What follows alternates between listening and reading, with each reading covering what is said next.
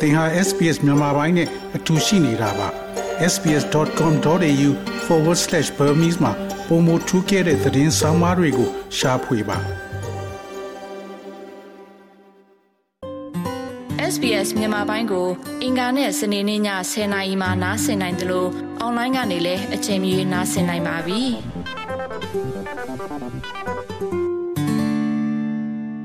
တော်ရရှိမြခင် ပြည်လုံးကျွစန္ဒခံယူပွဲ Voice to Parliament မှာဘယ်လိုကြိုတင်မဲပေးမလဲဆိုတဲ့ဆောင်းပါးကိုယခုတင်ဆက်ပေးမှာဖြစ်ပါတယ်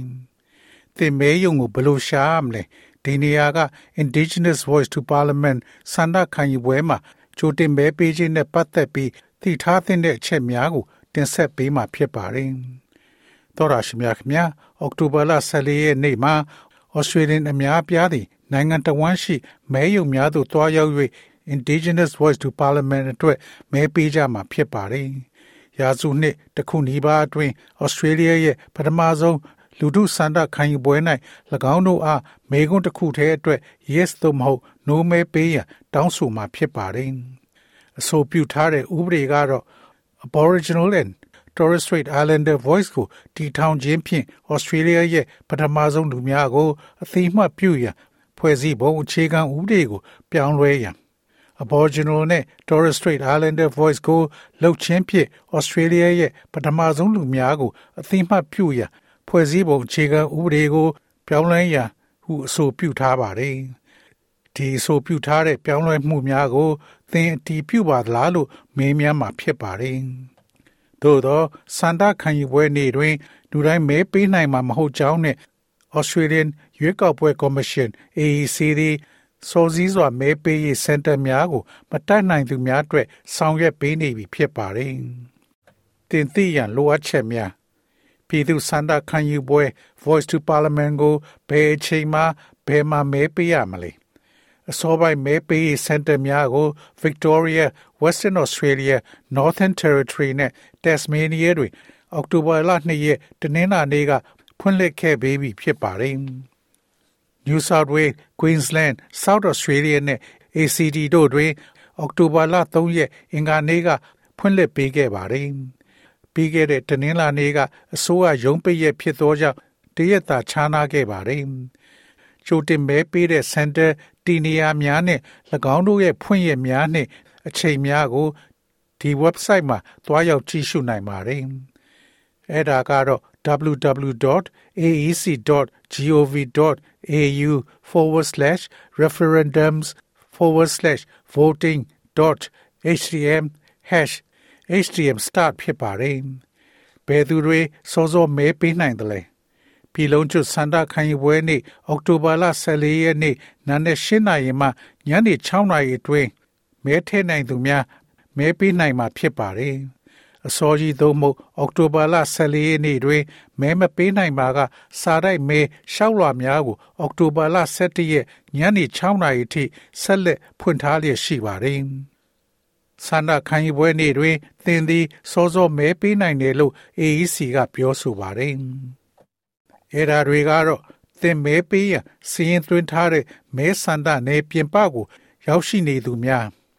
မဲယုံမှ10ကီလိုမီတာကျော် ဝေးကွာသူများခီးသွားလာဖို့ခက်ခဲသူများမဲပေးမဲ့နေ့တွင်သစ်လုပ်ငန်းခွင်မှ ထွက်ခွာ၍မရသူများ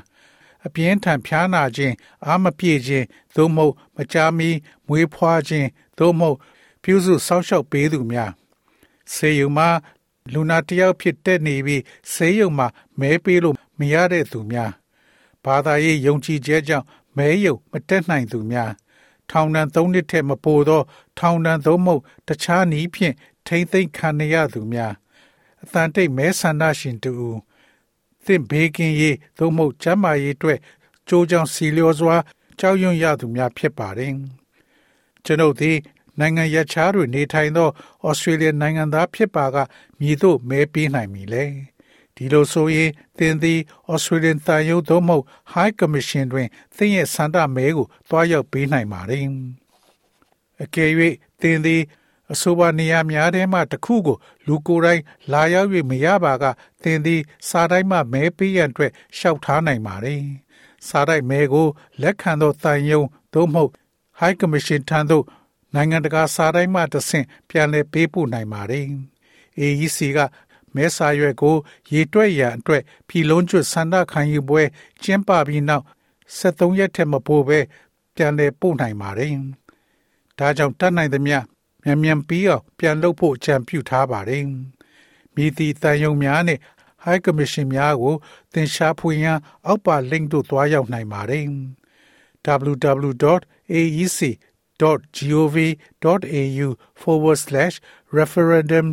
forward slash referendums forward slash vote forward slash oversee dash voting dash location dot html တို့တွားရောက်ကြည့်ရှုနိုင်ပါတယ်။ပြည်သူစန္ဒခံယူပွဲ voice မှာမဲပေးရမလားမဲပေးခြင်းကို မပေးမနေရထို့ကြောင့်သင်သည်အသက်16နှစ်နဲ့အထက်ဩစတြေးလျဖြစ်ပြီးရွေးကောက်ပွဲစီးရင်တွင် ပါဝင်နေပါကသင်သည်မဲပေးရန်လိုအပ်ပါတယ်။အကယ်၍မဲမပေးပါက AEC မှ မဲပေးသူမဟုတ်သည့်သတိပေးချက်ကိုလက်ခံရရှိမှဖြစ်ပြီးဘဲကြောင့်သင်မဲမပေးခဲ့သည်ကို ရှင်းပြရန်လိုအပ်ပါတယ်။ AEC ကသင်အကြောင်းပြချက်မခိုင်လုံဘူးလို့ဆုံးဖြတ်ရင်ဒါငွေဒေါ်လာ20ကျခံရမှာဖြစ်ပါတယ်။မဲပေးရစရင်ပေးသွင်းနိုင်ပါသေးသလား။တင်ဘဲပေးဖို့စရင်သွင်းရနဲ့ update လုပ်ရန်နောက်ဆုံးရက်မှာစက်တင်ဘာလ16ရက်နေ့ကဖြစ်ပါတယ်။ သို့တော်လည်းသင်သည်ရခင်ကပြည်တော်စုရွေးကောက်ပွဲတွေမဲပေးခဲ့လျင်သင်သည်ရွေးကောက်ပွဲတွေပါဝင်နေပြီဖြစ်ပါတယ်။သင်ရဲ့စည်ရင်သွဲမှုအသေးစိတ်ကိုဒီနေရာတွင်စစ်ဆေးနိုင်ပါတယ်။ https 2 forward slash forward slash check.aec.gov.au forward slash မှာတွားရောက်စစ်ဆေးနိုင်ပါတယ်။ NITV မှတဆင့် First Nation အမည်များအပါအဝင် SBS Network အနှံ့မှ2023ခုနှစ် Indigenous Voice to Parliament ပြည်သူ့စံတာခံယူပွဲပေါ်အသိအမြင်များကိုသင်လေ့လာနိုင်ပါတယ်။အဲဒါကတော့ SBS Voice Referendum Portal to access article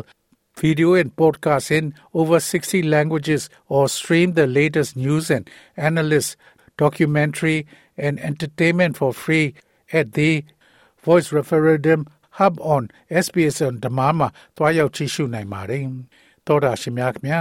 SBS သတင်းဌာနက David Edon ရဲ့ဆောင်းပါးကိုဘာသာပြန်တင်ဆက်ပေးထားတာဖြစ်ပါတယ်ခင်ဗျာ။ SBS မြန်မာပိုင်းကို အင်ကာနဲ့စနေနေ့ည10:00နာရီမှနားဆင်နိုင်ပါတယ်။နားဆင်နိုင်တဲ့နည်းလမ်းအများကြီးရှိပါတယ်။ Radio Digital TV Online ဒါမှမဟုတ် SBS Radio App ကနေတဆင့်နားဆင်နိုင်ပါတယ်။ SBS မြန်မာပိုင်းအစီအစဉ်ဖြစ်ပါတယ်ရှင်။